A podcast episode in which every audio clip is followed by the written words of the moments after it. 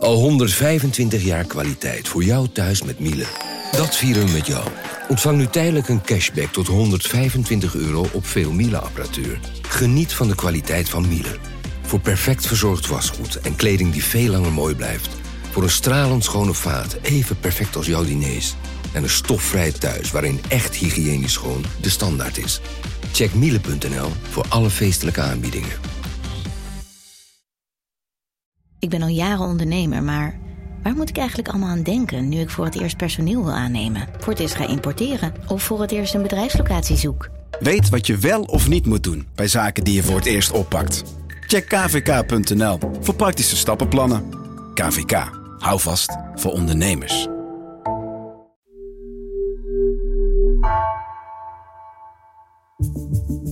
Vanaf de redactie van NRC het verhaal van vandaag. Mijn naam is Egbert Kalsen.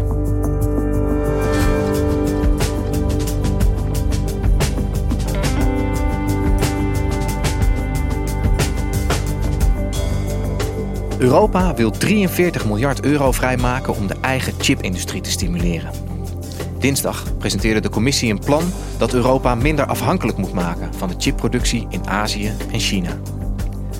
Tech-redacteur Mark Heijink ziet hoe microchips de graadmeter zijn geworden van de geopolitieke verhoudingen. Zijn chips het nieuwe zwarte goud?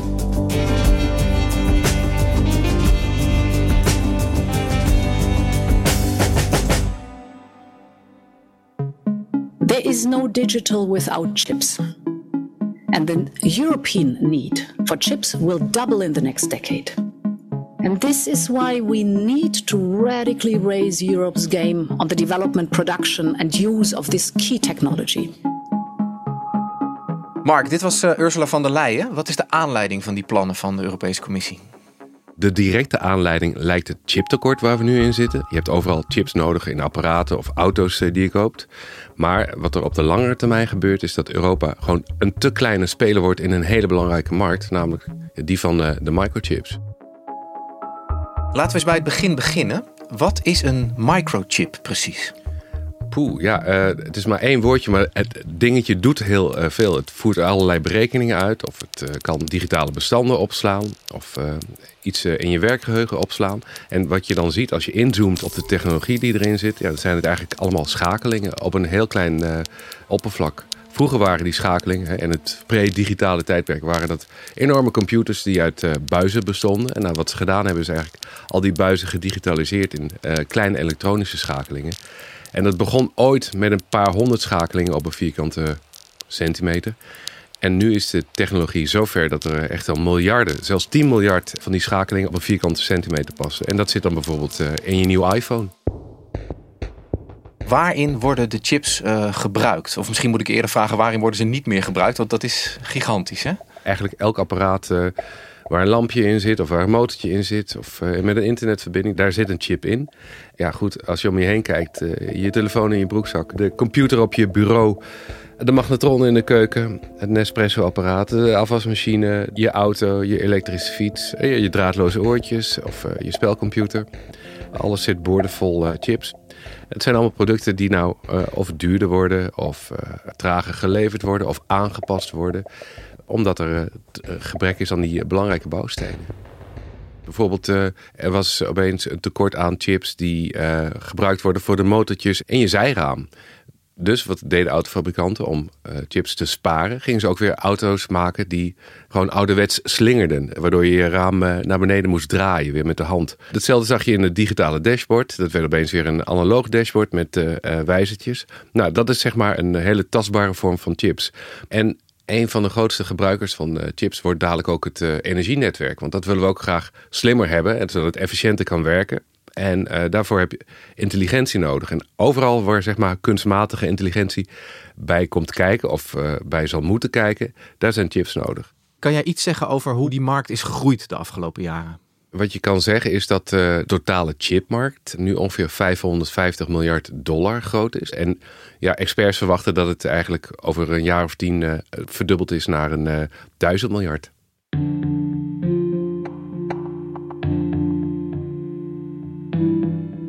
Nu bleek er de afgelopen tijd een enorm tekort te zijn aan chips. Waardoor is dat veroorzaakt? zoals je misschien gemerkt hebt, hebben we afgelopen twee jaar in een pandemie gezeten. En uh, hebben mensen heel veel gedwongen thuis moeten werken. En zijn ze ook uh, daarvoor extra beeldschermen en computers gaan kopen. En daardoor was er opeens enorme vraag uh, naar chips om die apparaten te maken. Tegelijkertijd had de auto-industrie zich een beetje verkeken op het aantal chips dat ze nodig hadden. Want ze verwachten dat ze minder auto's zouden gaan verkopen.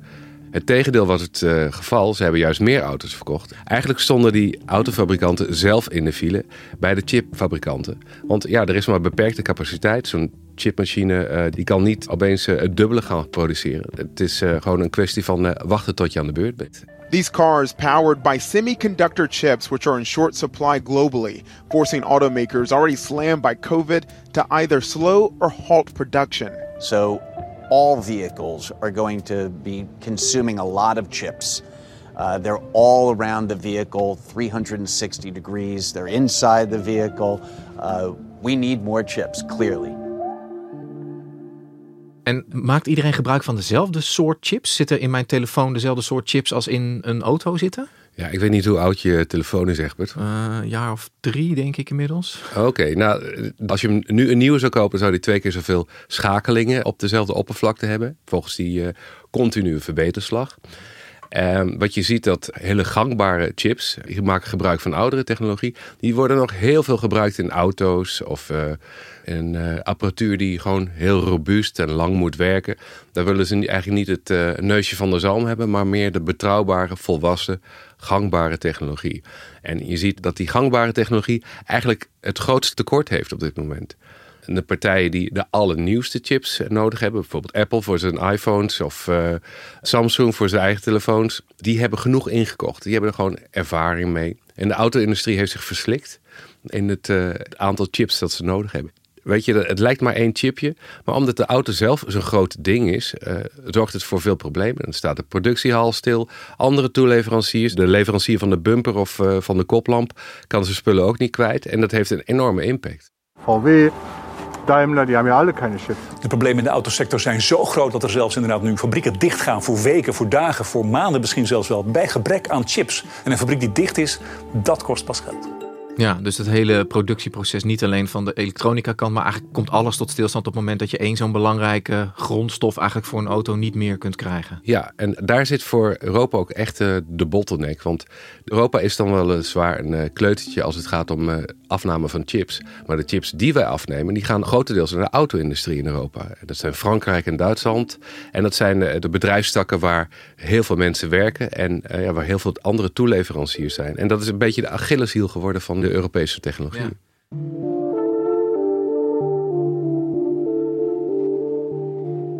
De productie van de auto-industrie en ook de elektrische fietsen die jij al noemde, die, uh, ja, die zijn dus allemaal vertraagd of die liggen zelfs stil. En nou heeft de Europese Unie dus uh, vorige week een plan gepresenteerd dat moet voorkomen dat dit ook in de toekomst misgaat. Wat houdt dat plan precies in? Ja, het is eigenlijk een verzameling van steunplannen en uh, subsidies en ook wel particuliere initiatieven om nieuwe chipfabrieken in Europa te bouwen en de ontwikkeling van chiptechnologie in Europa te stimuleren. En dat is een plan, daar is even een sticker op geplakt van bij elkaar 43 miljard uh, euro. Het is mij nog niet helemaal duidelijk welk geld waar vandaan komt. Maar het, in ieder geval is het een, gezamenlijk bedrag waarmee bijvoorbeeld een partij als Intel wordt gelokt of verleid om in Europa een grote chipfabriek neer te zetten. Er gaat ook 10 miljard ongeveer naar een uh, cluster rondom ASML, maar ook andere bedrijven in België en Duitsland, waar heel veel uh, specifieke kennis op het gebied van uh, chipproductie zit. En daar wil Europa in voor blijven lopen. Want ja, dat is eigenlijk datgene, als je die techniek zelf ontwikkelt, kun je ook in de toekomst blijven innoveren en blijven voorop lopen. En daardoor is de kans kleiner dat je afhankelijk wordt van, ja, noem maar China of Taiwan of zelfs de Verenigde Staten. Ja, want kan jij schetsen hoe die markt eruit ziet? Wij hebben heel veel chips nodig hier in Europa, maar we maken nauwelijks chips, toch? Ja, de meeste chips worden in Azië geproduceerd. En begin ik even bij de grootste. En dat is uh, TSMC. Dat is een open fabriek. Dat noemen ze een foundry. Oftewel, iedereen, hè, uh, ook uh, ik of mijn neefje, kan daar komen met zijn chipontwerp. En dan wordt het daar in grote getalen gemaakt. 50% van de wereldproductie komt daar ongeveer vandaan. Dan heb je nog een hele grote partij in Zuid-Korea. Dat is Samsung. En dan wordt er in Amerika nog een hoop gemaakt. dan heb je bedrijven als Micron en Intel. En ja, dan kom je toch bij de kleinste speler uit en dat is Europa. En daar maken we hier ongeveer nog 8%. Eurocommissarissen zeggen dan 10%. Die ronden het graag af naar Ja. boven. Maar de, de werkelijkheid is toch dat we hier ongeveer 8% maken van de totale wereldproductie aan chips. En als we niks doen, als, als we blijven maken wat we nu maken, dan is dat eh, over een aantal jaar is het nog maar 4%. Niet omdat we minder maken, maar omdat de rest van de markt eh, zo ja, hard die groeit. markt zo hard groeit. Is dat van oudsher altijd al zo geweest? Oh, ja, dat hangt vanaf hoe ver je teruggaat. Ooit was Europa redelijk bij de les. Bijvoorbeeld in Nijmegen staat een chipfabriek van NXP. Eh, technologie die ooit het neusje van de zalm was en nu toch eh, een beetje outdated is. En dat komt vooral omdat eh, het goedkoper is om het ontwerp wat je maakt door een ander te laten bouwen. Het is een beetje als een copyshop. Hè? Je kan zelf een printer kopen en dat proberen zelf nou, een mooi zwart-wit printje of een kleurenprint te maken. Als je grotere aantallen maakt, kun je ook naar een specialist stappen, zoals een copyshop. En dan laat je daar je ontwerp vermenigvuldigen. En dat is eigenlijk het proces wat nu in de chipindustrie aan de gang is. En die copyshops worden groter en groter. En zijn inmiddels zo groot dat het heel erg duur is om een goede concurrent voor ze te bouwen. En daarvoor is de 43 miljard. Hè, er moet hier een goede concurrent komen die zowel het allernieuwste kan maken, maar ook die gangbare chips waar we het al over hadden. Het is een soort race, kun je zeggen. Eh, eigenlijk is Amerika ons een stapje voor, want daar hebben hele grote partijen als eh, Samsung en TSMC al toezeggingen gedaan om eh, grote chipfabrieken te bouwen in Arizona en Texas. Intel unveiling an ambitious turnaround plan. The company's new CEO, Pat Gelsinger, says he will spend $20 billion building two chip factories in the United States.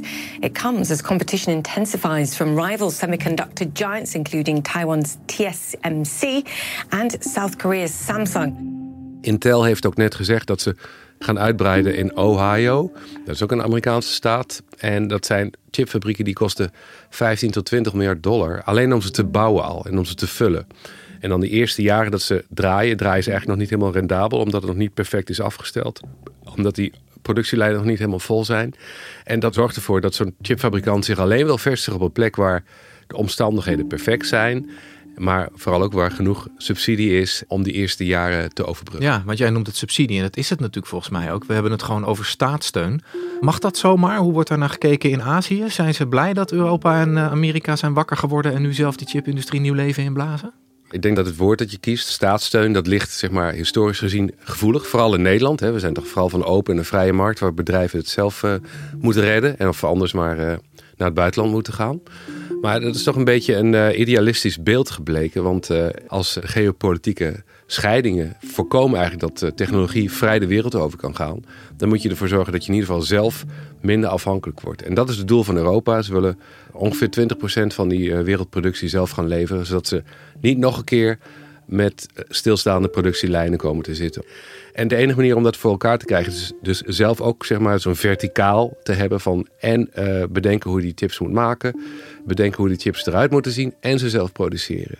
En dat eh, kan alleen maar als je die fabrieken over de streep helpt en eh, probeert eh, ze te lokken met, met subsidies of staatssteun. Ja. Industriepolitiek zou je het kunnen Ja, noemen. ja. Maar eh, je vroeg wat de Aziaten ervan zouden vinden.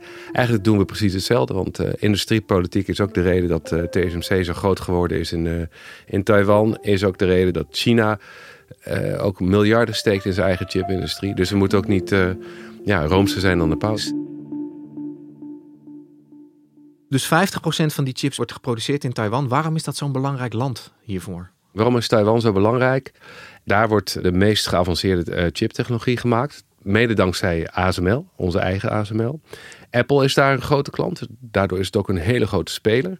En tegelijkertijd eh, ligt Taiwan, en dat ligt gevoelig, dicht bij China. Dus het risico is eigenlijk dat de Chinezen, hè, als ze in hun geopolitieke annexatiedrift Taiwan weer terug willen nemen, ook toegang krijgen tot die geavanceerde technologie van TSMC. Want de VS zijn bang dat bijvoorbeeld netwerkbedrijven als eh, Huawei, eh, een aardsvijand van Amerika, weer toegang krijgen tot die hele eh, geavanceerde chips van, eh, van TSMC.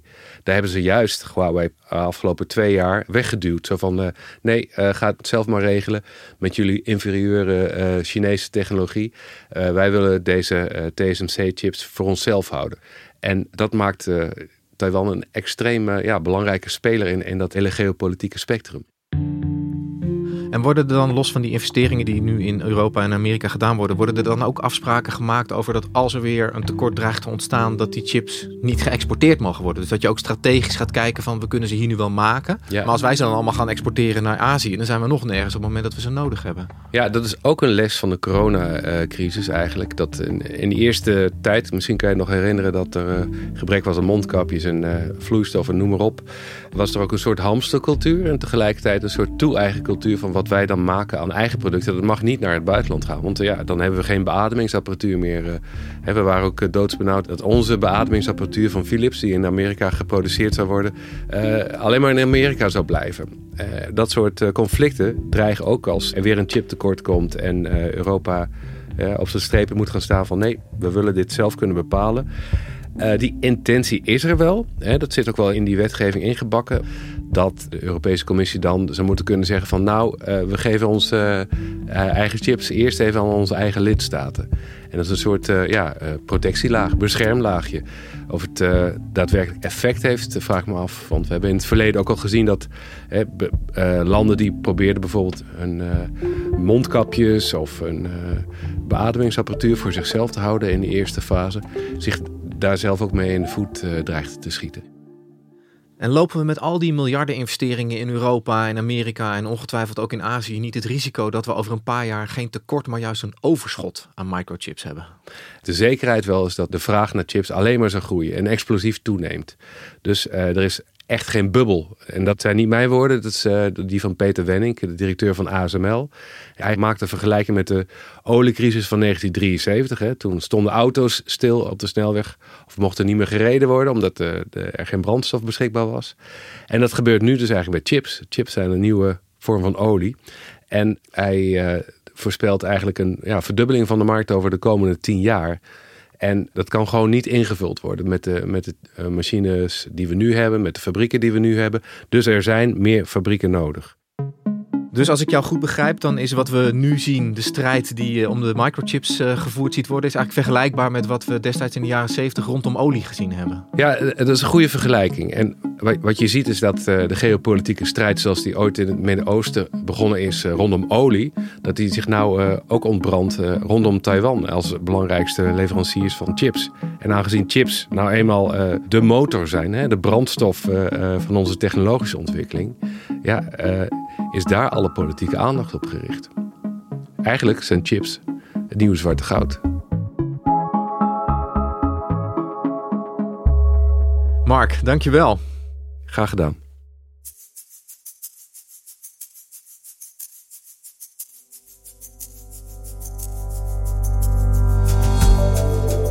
Je luisterde naar vandaag, een podcast van NRC. Eén verhaal, elke dag. Deze aflevering werd gemaakt door Stef Visjager en JP Geersing. Dit was vandaag, morgen weer.